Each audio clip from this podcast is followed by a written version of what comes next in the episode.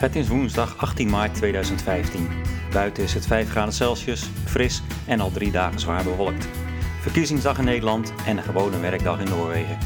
Welkom bij de vierde aflevering van de podcast Wonen in Noorwegen. Mijn naam is Arie Bakker. Noorwegen. De beste, de snelst stijgende, de snelst groeiende, de grootste puntje, puntje, puntje van de wereld. Meer over deze superlatieven verneem je straks in het nieuwsblokje. Maar nu eerst blikken we even terug op het bezoek van de 82 onderwijsgevenden uit de gemeente Vigne aan Nederland. Zoals je in de tweede aflevering kon beluisteren, heeft Janneke voor al haar collega's een reis voorbereid om met name het Nederlandse rekenonderwijs in de praktijk te bestuderen. Deze studiereis vond vorige week plaats en ik vraag aan Janneke wat de reis zo even kort door de bocht heeft opgeleverd. Afgelopen donderdag 82 Noorden met twee vliegtuigen naar Schiphol en vervolgens naar Utrecht. Hoe verliep jullie heenreis? Ja, heel gezellig. Ja, Ehm, ja, we zijn allemaal netjes eh, aangekomen op allebei de vliegvelden en los van elkaar vertrokken met een, ja, iets van een uur of anderhalf uur tussentijd. En eh, in Amsterdam stond er een bus klaar voor eh, het eerste gezelschap wat aankwam. En toen dat uitgeladen was in Utrecht, dan reed hij terug om ons op te halen. oké. Eh, ik zat bij de tweede vlucht Ja, en die had een uur vertraging. Dat was eh, wel jammer eigenlijk. ja, Want daardoor kwamen wij pas om negen uur s'avonds in Utrecht aan. ja, dat is laat. Ja, best. Allemaal in hetzelfde hotel? Ja, allemaal in hetzelfde hotel. Midden in Utrecht. Nou, prettig. Hey, afgelopen vrijdag bezochten de collega's verschillende scholen, hè? want dat was het doel van jullie eh, studiereis. Mhm. Vertel daar eens wat meer over. Ehm, we hebben zes verschillende scholen bezocht. Eh, twee van het voortgezet onderwijs. Een, het Calvijn in Hardingsveld, Giesendam. Wat eh, de onderbouw heeft van eh VMBO, TL, HAVO en VWO. En in Sleewijk hebben we de Schans bezocht. Wat meer eh, de praktijkkant op is, opgaat. eh, BBL, KBL en GL. En dan nog drie basisscholen. Prins Willem-Alexander in Eten, de in Werkendam en de Wilgroek in Hank. En alle assistenten die zijn in Almkerk terechtgekomen bij Hoppas. Eh, die regelt voor, tussen en naschoolse opvang. Dus al met al een heel ja, gemeleerde ja, schoolbezoek eigenlijk. Ja, leuk. En eh, waar ben jij zelf geweest? Ik ben in eh Sleewijk terechtgekomen, bij de Schans. Oké. Dat Vertrouwd terrein. Ja, Ja. daar hebben we gewoond hè.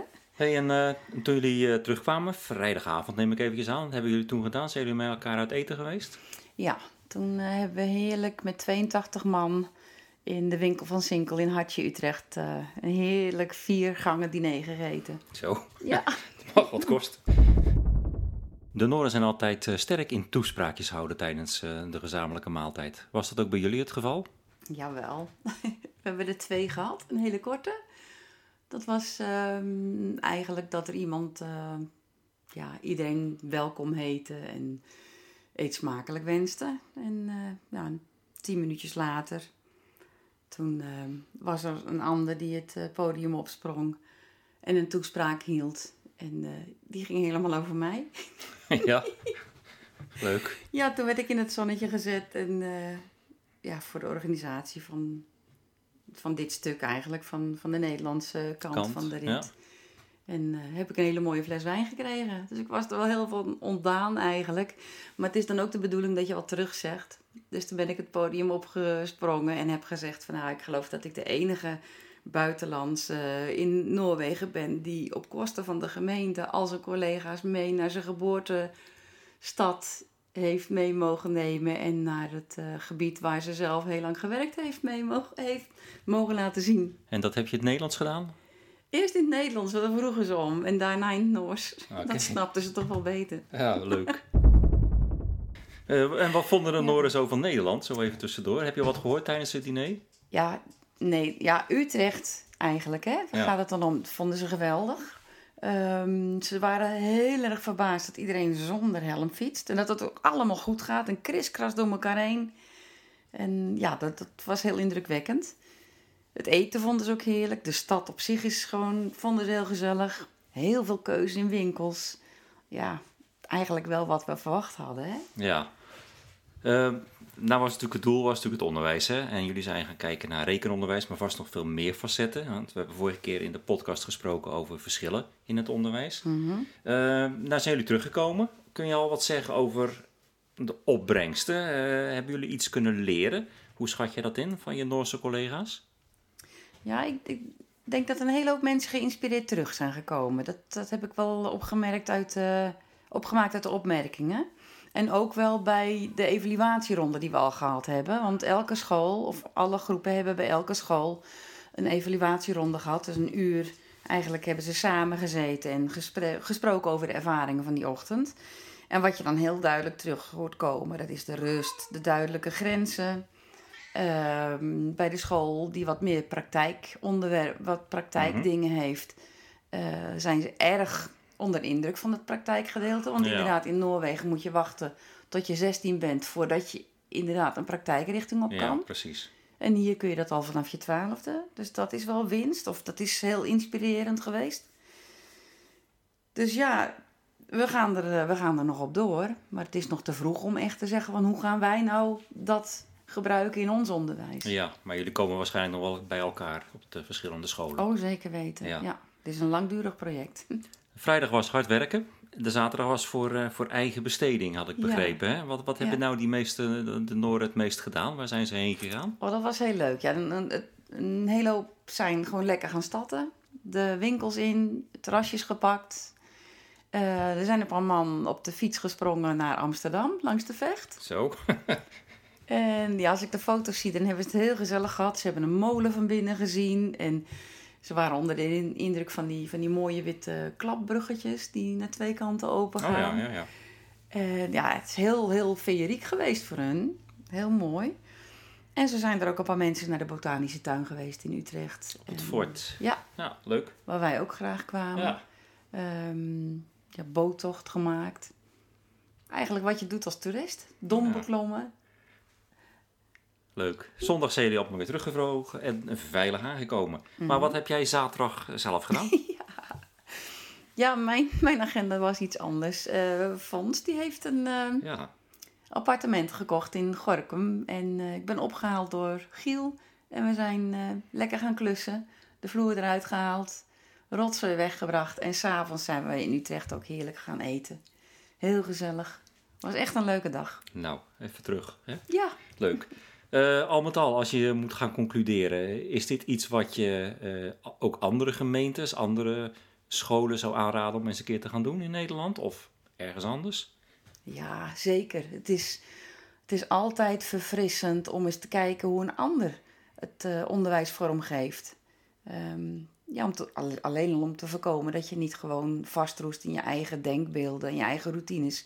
Aan de andere kant besef ik me ook, ja, wij zitten gewoon in een hele luxe situatie. Hè? Ja. Dat wij zomaar met z'n allen.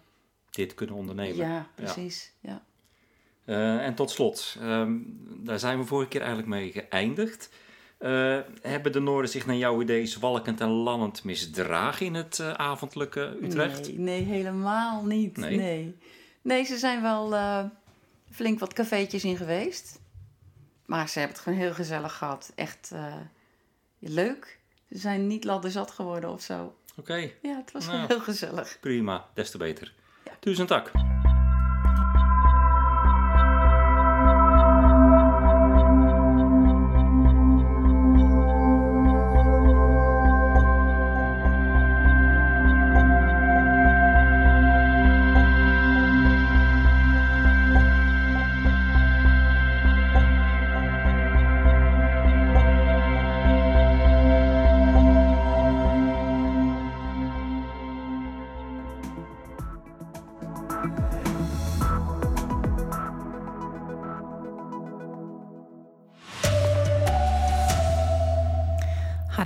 Dagsnytt klokka 13. De rijkdom van Noorwegen. Het Noorse Staatsinvesteringsfonds, in het Noorse het Oliefonds, het oliefonds, oftewel de grootste spaarpot ter wereld, heeft vorig jaar hier een rendement opgeleverd van 544 miljard kronen. Dat is een dikke 60 miljard euro.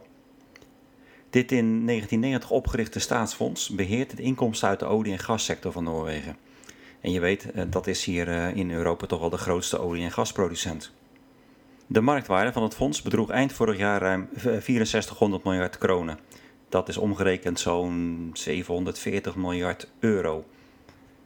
De olie werd in 1969 eh, ontdekt en vanaf 1971 geëxploiteerd. In 1990 werd dit oliefonds opgericht. Een deel van de olieopbrengsten werd in dit staatsspaarpotje gestopt om, als er straks uh, geen olie meer is, toch nog een goed en vooral duurzaam leven te kunnen hebben hier in Noorwegen. Merken we in Noorwegen daar nou iets van, van al dat geld? Moi. De Noorse regering hebben de afgelopen tientallen jaren goed op deze centen gepast en geen grepen in de kas gedaan. Maar er wordt in Noorwegen wel vaak een beroep gedaan om een deel van de gelden nu te gebruiken. Zo becijferde de NHO, de almachtige Noorse werkgeversorganisatie, dat er nu echt 2600 miljard kronen nodig is om alle wegen, riolen, spoorbanen, vliegvelden, openbare gebouwen in Noorwegen eens goed op te knappen. Broodnodig voor de economie. Dat bedrag, 2600 miljard kronen, dat is ongeveer een derde deel van dat oliefonds. Het klimaat en de groei van de bevolking in Noorwegen, dat zou debet zijn aan de slechte kwaliteit van de huidige infrastructuur. En als ik nou deze Noorse spaarpot eens vergelijk met de Nederlandse staatsschuld, die uh, vandaag 465 miljard euro zou bedragen, dan zou Noorwegen dit makkelijk kunnen betalen en ook nog genoeg geld overhouden. Iedere Nederlander heeft bij zijn geboorte immers al een schuld van 28.000 euro mee te dragen.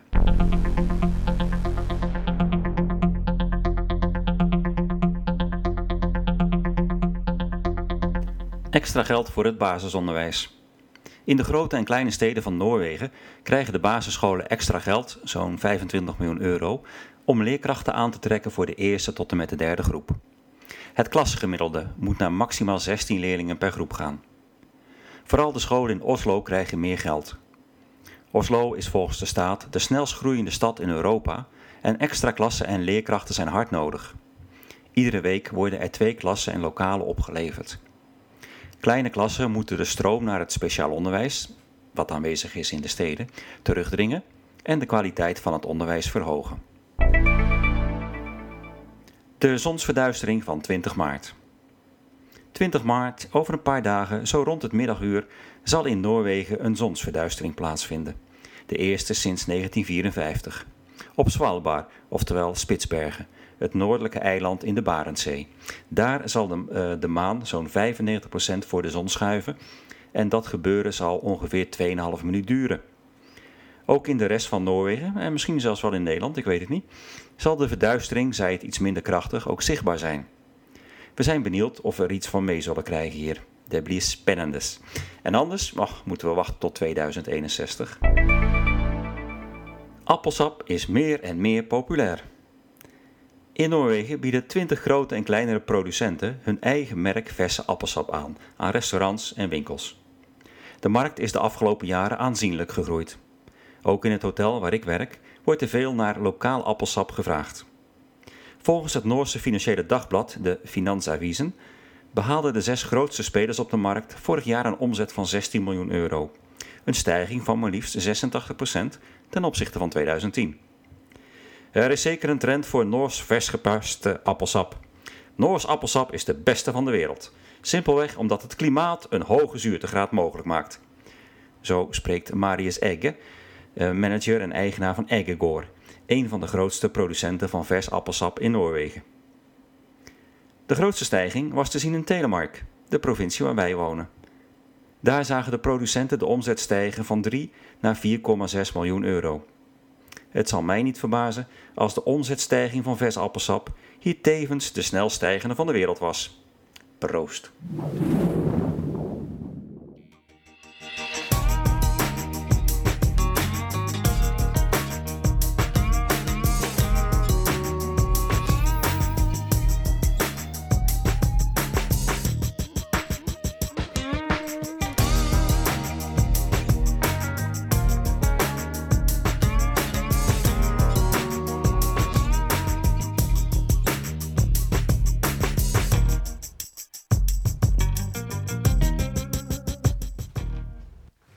Zo'n twee, drie maanden in Noorwegen woonden, rond uh, december 2012, noteerden we op ons blog een aantal voor- en nadelen van het leven hier in Noorwegen. Wat vonden we in Noorwegen? Wat misten we uit Nederland? Het was een stukje dat heel snel en spontaan geschreven was en natuurlijk heel persoonlijk onze eerste indrukken weergaf. En laten we nu eventjes kijken, Janneke, zonder al te veel op de details in te gaan. Nu, medio maart 2015. Kijken of we ons nog steeds kunnen vinden in die opzomming van toen. Wij woonden toen een uurtje rijden noordelijker in Rouwland, eh, hooggelegen, waar we woonden in een klein huisje op het erf van onze vrienden Ingeriet en Fred. We hadden het toen over die plussen en minnen. En laten we vandaag eens even met die plussen starten. De eerste plus voor ons die we toen opschreven was. De prachtige natuur Ja, absoluut. is nog steeds, vind Ja. ik. Ook hier in Kwietzijd is het geweldig mooi. Niet alleen eh, de planten, bomen en zo, maar ook eh, het dierenleven. Ja, Dat je een vos in je tuin krijgt, hertjes. ja, We hebben zelfs een hermelijn gezien laatst. ja. Eekhoorntjes zijn natuurlijk gewoon en zo. Maar hebben we hier nog niet gezien, maar die hadden we weer wel in Rouwland af en toe voor de deur. Ja, En zelfs Squibus, eh, ja, die heeft het ook wel goed naar zijn zin, hè? Onze kat. Ja. Nee, is perfect. En ik moet zeggen, eh, elke dag weer, ook als we naar ons werk rijden, eh, ja, het is gewoon puur genieten. ja en je mist ook de files, hè? Je, rijdt een ja. uur lang door de natuur heen op, eh, op, weg van, op weg van je werk naar huis. Ja, Dus je hoofd is ook helemaal leeg als je thuis komt. Ja, dat klopt. Geen stress van stoplichten, files en dat soort dingen. Heerlijk, ja. ja, en een ander voordeel wat we toen meteen noteerden was, het is hier zo rustig, het is hier zo stil. Ja, en dat is ook, ook hier in Kwietzijd waar we nu wonen. Ja, Fijn. we horen wel de weg die beneden ons loopt, Ja. maar ja, in Nederland hoor je altijd wegen en auto's.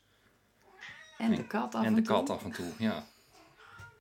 Een derde pluspunt wat we op hadden geschreven was dat we vonden dat je hier nauwelijks geld kan uitgeven. Ja, in, in principe klopt dat wel, maar het is ook weer relatief natuurlijk. Ja, zeker als ik nou weer bedenk hoe, het, hoe druk het was in Utrecht en hoe makkelijk je daar inderdaad overgehaald wordt om elke winkel binnen te stappen en dingen te kopen. Dat heb je hier niet. Nee, als je hier eh, naar het dorpje gaat, dan heb je één supermarkt. Je hebt een tweedehands winkeltje. Je hebt een bloemenannex, boekhandel, annex prolariazaak, Speelgoed. speelgoed. Oh ja, en je hebt ook nog een eh, doe-het-zelfzaak en een, en een expert. Ja. Ja, dat valt toch nog wel mee. En een cafeetje, wat En één keer in drie weken een zaterdag open is. Ja, maar ja, we legen daar niet onze portemonnees elke keer. Absoluut niet. Nee, Nee. dat is een groot verschil. Ehm, een ander punt, eh, heel belangrijk, want dat was ook toch wel een, eh, een reden om weg te gaan uit Nederland, was de stress. Hè? Mhm. Ehm, in Nederland hadden we best stressvolle banen. Eh, Lange dagen. Lange dagen. Ehm, hoe- hoe kijk jij daar tegenaan? Eh, het verandert nu licht. Ja, je hebt nu toch wel wat meer stress, denk ik, nou je assisterende sculechef bent. Maar Ja, en eigenlijk heeft die stress helemaal niks met mijn vak te maken. Niet, niet met mijn pedagogische achtergrond. nee. Eh, de stress zit er meer in het eh, zorgen voor het, ja, in het vinden van invallers die er niet zijn. Vlak voordat de school begint. Ja, dat is redelijk stressvol. Je Ja. weet dat de school moet gaan beginnen en niet iedereen, is, heeft, niet iedereen kan voor de groep. En dat is gewoon heel vervelend dat je dan mensen moet zoeken. Ja. ja, voor mij geldt dat ik af en toe stressmomenten heb als we echt moeten produceren. Bijvoorbeeld in de keuken of in het restaurant een hele grote groep mensen moeten binnenloodsen en moeten bedienen. Dan heb je echt eh, even topstress. Dan is het kei en kei en keihard werken. Maar verder eh, vind ik ook, het is hier eh, behoorlijk relaxed allemaal. Ja, en om vier uur is bij ons gewoon alles klaar hè, op school. Ja. Vergaderingen beginnen om half drie en die duren uiterlijk tot eh, vier uur. ja, dat is lekker hè. En dan is iedereen vrij. En ja, wat ik dan weer jammer vind, is bij mij rinkelt de telefoon natuurlijk s'avonds weer. Ja, Voor mensen die ziek worden of ouders die zieke kinderen hebben. Want die mogen ook thuis blijven. ja, ja. Dus ja, bij mij zit het een beetje op een hellend vlak nu. Ja, de, ja dat is duidelijk. Ja. De oudere werknemer, dat was ons vijfde punt. Die wordt nog steeds gewaardeerd, zetten we toen op, onze, op ons blog. Ja, Eh, omdat we nog goed natuurlijk weten dat in Nederland de situatie anders is. Als je een 40er-plusser bent dan, en je bent Mhm. buiten werk geraakt, dan kan het al lastig zijn. ja, Hier is dat toch wel anders gebleken, denk ik. ja. Zeker. Het is, eh, leeftijd telt hier niet zo. Nee, nee. Sterker nog, ehm, de waardes van levenservaring, die tellen hier nog. Ja, En dat je, als je 50 plus bent, niet flexibel zou zijn. Nou ja, wij zijn het levende bewijs natuurlijk. Dat het, eh, dat het een rare reden is in Nederland. Ja, dat klopt, absoluut. Een zesde voordeel is denk ik ook nog wel geldig. We hadden toen opgeschreven dat de gezondheidszorg hier eh, nagenoeg gratis is. Hè? Je, je hoeft hier geen premies en dergelijke te betalen elke maand. Ja, Nou, ja, dat is ook wel een waarheid als een koe gebleken. ja dat klopt. Ik, geloof wel dat je bij de tandarts wat eh, aardig wat kwijt bent voor een gewone controle. Dat wel. Ja, wij moeten zeggen, en eh, niet dat we nu uit ons mond eh, rieken, maar we zijn eigenlijk al twee jaar niet naar de tandarts geweest. Nou, ik ben toen een keer naar de tandarts geweest. Omdat Ja. ik zo'n last van mijn kaak had. En Ja. toen zei hij van, joh, je gebit ziet er zo mooi uit. En toen vroeg ik van, nou, wanneer zou ik op controle moeten? Want in Nederland gingen we elk half jaar. En toen zei hij van, nee, ben je gek, joh, kom over 2,5 jaar terug. Ja, dat, dat is zo. Ja. Maar goed, dat moeten we denk ik binnenkort wel eens gaan doen. Voor de zomer. Voor de zomer. Afgesproken? Afgesproken. Eh, nou ja, verder, nee, verder, het kost bijna niks. Je moet een kleine eigen bijdrage betalen als je een keer naar de dokter gaat. Maar ik, ik, ik weet niet eens wie onze dokter hier is in Kwietensij. Dat is niet echt, eh, niet, niet echt veel geld. En de medicijnen moet je af en toe wat voor betalen. Maar ook dan praat je over eh, niet al te veel. Ja. We hadden nog een ander punt en dat had weer met, met werk te maken. Ehm, er is hier, eh, hadden wij gesteld, en dat was een beetje het gevoel wat we toen hadden. Er wordt hier met veel eh, aandacht naar de collega's gekeken. Men, eh, iedereen telt voor elkaar. Ja, dat klopt. Iedereen is, bij mij op school merk ik heel sterk dat iedereen heel positief is tegen elkaar, naar elkaar. Ehm, een, een foutje waarbij je in Nederland meteen denkt van, oh, wat stom van mij. Of dat nog zelfs hardop zegt ook.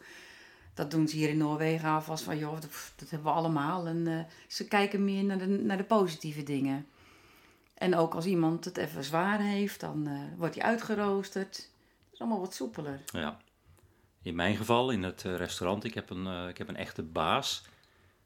Maar hij heeft wel heel veel respect ook. En ik mag ook rustig zeggen dat ik het af en toe heel anders zou willen doen dan hij het doet. Eh, maar ondertussen is hij, blijft hij wel een eh, eigenwijze baas af en toe. Ja, want er verandert niks door. Je mag het wel zeggen, maar... Verandert helemaal niks daar. nee. Eh, wat hadden we nog meer voor pluspunten toen opgeschreven? Oh ja, we hadden gezegd, en dat was natuurlijk best belangrijk in die, in die beginfase ook. Hè? Eh, op internet zijn behoorlijk wat Nederlanders te vinden die ook hier in Noorwegen wonen en werken. Ja, En die hebben op Facebook eh, een pagina. pagina begonnen, een soort eh, Nederlanders in Noorwegen. Pagina. Noorwegen. Daar begon het mee, maar het lijkt een klein beetje op onze protestantse kerkgeschiedenis. Want al heel snel werd die groep in, op Facebook die werd gesplitst. En, Stamtafel de Noorderzon ja, splitste zich af. en daarna is er weer een afsplitsing van een van die twee gekomen. Ja, maar dat is alleen voor mensen bedoeld die echt in Noorwegen wonen. Die andere Nee, twee maar groepen ook is weer- voor mensen die Ja, die- ook misschien naar Noorwegen willen. Dat klopt als een vierde. Och, hé, Ja. nou dan ben ik de tel kwijt. Maar ik vind het nog altijd leuk, want je kan toch af en toe wat, wat lezen over eh, de dingen die wij eh, dagelijks meemaken. Of vragen die je gewoon hebt eh, hier in, in Noorwegen. En dan is het leuk om zo'n groep te hebben die eh, makkelijk je een antwoord kan geven. En Ja. soms geven wij ook wel eens antwoorden. Ja, ik ben er wel een beetje op teruggekomen. Ik was op zoek naar dat soort dingen waar jij het over hebt. Maar ik vind toch wel dat het te veel, naar mijn smaak, eh, ja, gekletst wordt gewoon. Ja, er wordt af en toe wat te Nee, maar goed, dat, dat passeer ik maar. Ja. Een ander punt heeft toch eigenlijk wel weer een beetje met natuur te maken. Hè? Ehm, we hebben gezegd, en dat vonden we fantastisch, de seizoenen zijn echt seizoenen. Toen we in Rouwland woonden, was het wel echt zomer, winter. ja, kijk, in Nederland misten we gewoon een echte winter. Ja, was een hoop regen en verder niks. En in Rouwland hadden we wel die echte seizoenen, maar we misten de lente. ja. Want het was inderdaad van winter in één klap naar... Nou ja, je had wel wat lente, maar in één klap knalde alles open. En had je zomer lang. Hier, hier in Kwietzijd is het wel anders. Hè? We zitten maar Ja. een 60 minuten rijden van Rouwland af, maar Ik zie nu, eh, half maart, zie ik al heel, heel zachtjes een beetje een groene waas over de bomen komen. En in Rouwland heb je dat pas echt half mei. ja, Dat daar ligt twee maanden verschil. Er ligt nu nog eh, flink wat sneeuw. Ja. En hier is al geen sneeuw meer. Nee. Ander voordeel hebben we gelukkig kunnen ervaren. Huizen zijn relatief goedkoop om te kopen. Ja, het ligt eraan waar je woont inderdaad. Mhm. Maar waar wij nu zitten is het eh, goed te betalen.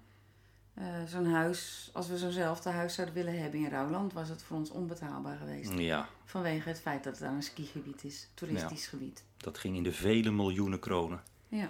En dat was het eigenlijk niet waard. Ook de hypotheek trouwens was eh, behoorlijk goedkoop, hè, eh, wat we hebben afgesloten. Ja, maar dat komt ook weer omdat het via het onderwijs kon. Ja, via een lage- staatspensioenskassen. Ja, lage rente. Ja. De verdiensten zijn niet slecht. Hebben we ook nog als pluspunt toen opgeschreven van het werk in Noorwegen. Voor mij geldt dat zeker. Ja, voor- Ik verdien echt meer dan in Nederland. Meer dan mijn directeursfunctie toen. Ja. toen. Ik, ik heb geen klagen. Nee, Maar ik- voor ik- jou ligt het iets anders. ja, ik heb wel klagen. Kijk, ik verdien op zich per uur niet slecht. Eh, maar ik kan gewoon niet zoveel uren maken. Eh, in, in de hoogseizoenen, zoals nu, werk ik behoorlijk veel. Hè. Dan kom ik aan de 180, 200, soms eroverheen uren per maand. Eh, maar daar staat tegenover dat april, mei, werk ik eigenlijk niet. Is Nou, het hotel dicht misschien? Ja, na Pasen gaat het hotel dicht. En, En het was in oktober en november eigenlijk ook. Eigenlijk Bijna hetzelfde. twee maanden. En het is hier heel simpel. Je krijgt dan geen salaris. Geen uren, geen salaris. En wat ons allebei een beetje tegenviel, was wel het feit dat eh, je krijgt hier geen extra vakantiegeld. Maar vakantiegeld is gewoon eigenlijk... Spaar je op, hè? Dat spaar je op. Dat is gewoon de twaalfde maand die je uitbetaald krijgt. Dus je werkgever betaalt je maar elf maanden uit. Ook al werk je twaalf maanden. En die twaalfde maand is je zelf gespaarde vakantiegeld. Ja, zo, daar komt het op neer. Ja. En, en een dertiende maand kennen ze ook niet. Nee, je krijgt wel iets extra, maar dat Ja. is niet te vergelijken eh, met Nederland, nee. En, en eigenlijk als laatste, denk ik, constateerden we al heel vroeg toen we daar eh, woonden, eh, dat elk dorp, hoe klein het ook is, toch al zijn eigen voorzieningen heeft. Hè? We hebben dat op ons blog toen over Rouwland geschreven. Eh, maar geldt het ook voor Kwietsheid, waar we nu wonen? Jawel, we hebben hier ook een dokter en een eh, tandarts en dingen die nodig zijn. Er zit geen politie hier, Nee, nee, er zit hier geen politie, maar maar wel weer in Celje hoor. ja. En ja, dat, dat geldt voor Nederland natuurlijk ook. Niet Ja. ieder dorp heeft zijn eigen politie. Het is een museumpje. Nou, meerdere museums. Ja. Musea, moet ik Ja, zeggen. ja, Eh, ja. Nou, ik, ik denk dat we aardig op een rijtje hebben. Dit waren de pluspunten, zoals wij ze toen in 2012 op ons blog zetten. En over het algemeen denk ik, eh, we staan er nog steeds achter wat we toen schreven. ja. Nou, een volgende keer gaan we eens wat eh, over de negatieve aspecten of de zaken die ons tegenvielen verder praten. dan gaan we eens gallen. Gaan we eens even flink gallen. Het is weer tijd om afscheid te nemen. Deze vierde aflevering zit erop. Je kunt je reacties, suggesties en vragen sturen naar woneninnoorwegen.gmail.com. En je kunt je ook gratis abonneren op deze podcast in iTunes. Zoek dan op Wonen in Noorwegen of op soundcloud.com. We zouden het leuk vinden als je in iTunes een reactie kan achterlaten. Dan worden we wat meer bekend bij podcastluisterende Nederlanders en Belgen in de wereld. Vanuit Kwittesij, Noorwegen, zeg ik een welgemeend Hadebra, hou je haaks en tot de volgende keer.